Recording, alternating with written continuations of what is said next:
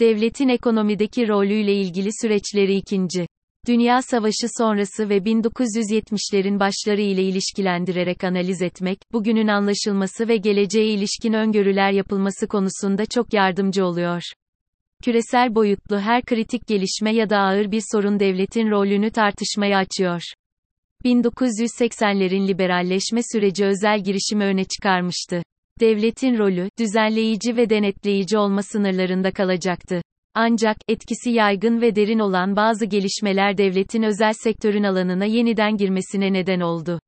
2008'deki büyük resesyon ve 2020'nin Covid-19 krizi sosyalist bloğun çöküşünden sonraki en önemli dönüm noktaları oldu. Devletin rolünün yeniden tanımlanmasına ilişkin gündem giderek ağırlık kazandı. Büyük resesyon öncesindeki dikkat çekici gelişme, 1990'ların sonundan itibaren gelişmiş ülkelerin genelinde artan gelir eşitsizliği oldu. Gelir eşitsizliği, büyük resesyon ile küresel ölçekte yaygınlaştı. Covid-19 ile ekonomi dışındaki alanlara da yayıldı.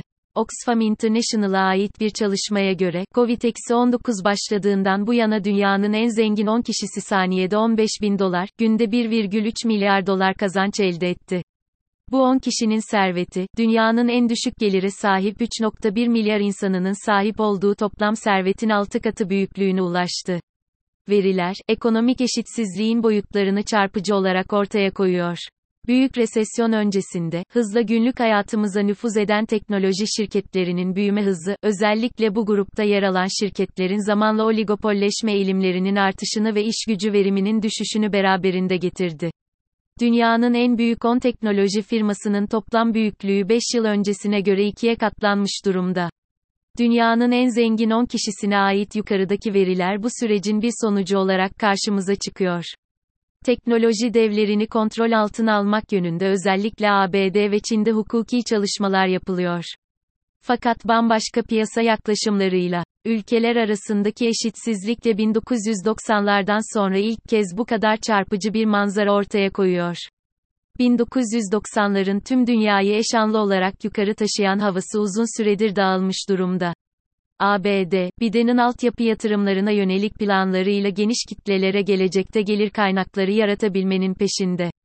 1990'lardan sonra yaygın bir orta sınıf yaratan Çin, ortak refah programı ile eşitsizliğe karşı önlem arayışında.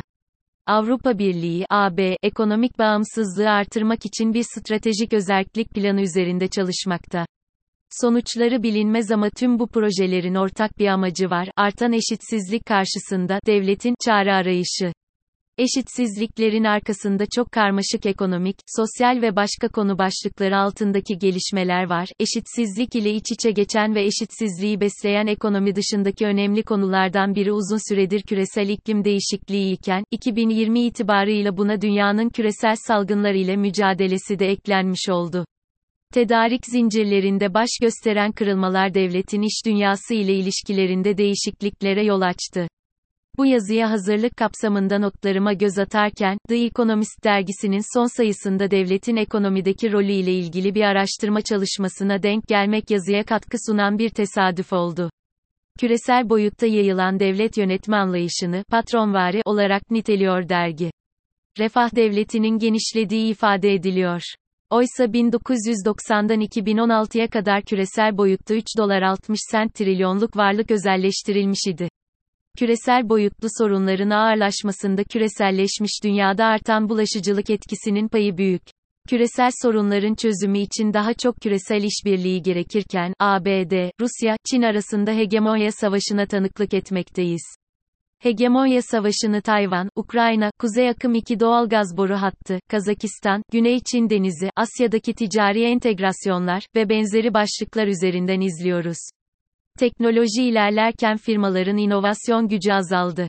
Tedarik zincirlerinde yaşanan kırılmalarla ülkelerin üretim gücünde ortaya çıkan zayıflamalar bazı özel koşullarda özel sektörün sorun çözmede yetersiz kaldığına işaret etti. Örneğin, çip üretiminde geliştirme sağlanması konusunda Amerikan Senatosu şirketlere destek kararı aldı. Piyasanın etkin işleyişi, iktisat teorisinde çok geniş yer bulmuş bir tartışma başlığıdır. Piyasanın etkinliği tartışılırken, devletin ekonomideki rolü de tartışmanın içinde önemli bir yer işgal etmektedir. Nokta. Çevre yıl ilgili konulardan ilaç üretimine, enerji üretiminden biyoteknolojiye kadar çok sayıda sektörde Fransa, ABD, Çin, İngiltere ve S, düzenleyici ve denetleyici olmanın ötesine geçen fonksiyonlar ifa etmeye başladılar. Özel sektörün çözemediği ya da çözmeye niyetinin olmadığı sorunlarda devlet devrede. Dönemin koşullarına göre özel öneme sahip kritik sektörlerin devletler tarafından desteklendiği bir süreç söz konusu. Oysa 1980'lerin hayali bu değildi. Devletin giderek artan ağırlığı ile kamu borçluluğu ve vergiler de bu devasa konunun önemli bir yerinde duruyor. Ulusal ve uluslararası düzeyde vergi kanunlarının küresel ekonomiye verdiği şekli devletin düzenleyici ve denetleyici olmasının ötesinde, yönlendiricilik rolüyle beraber değerlendirmek gerekiyor.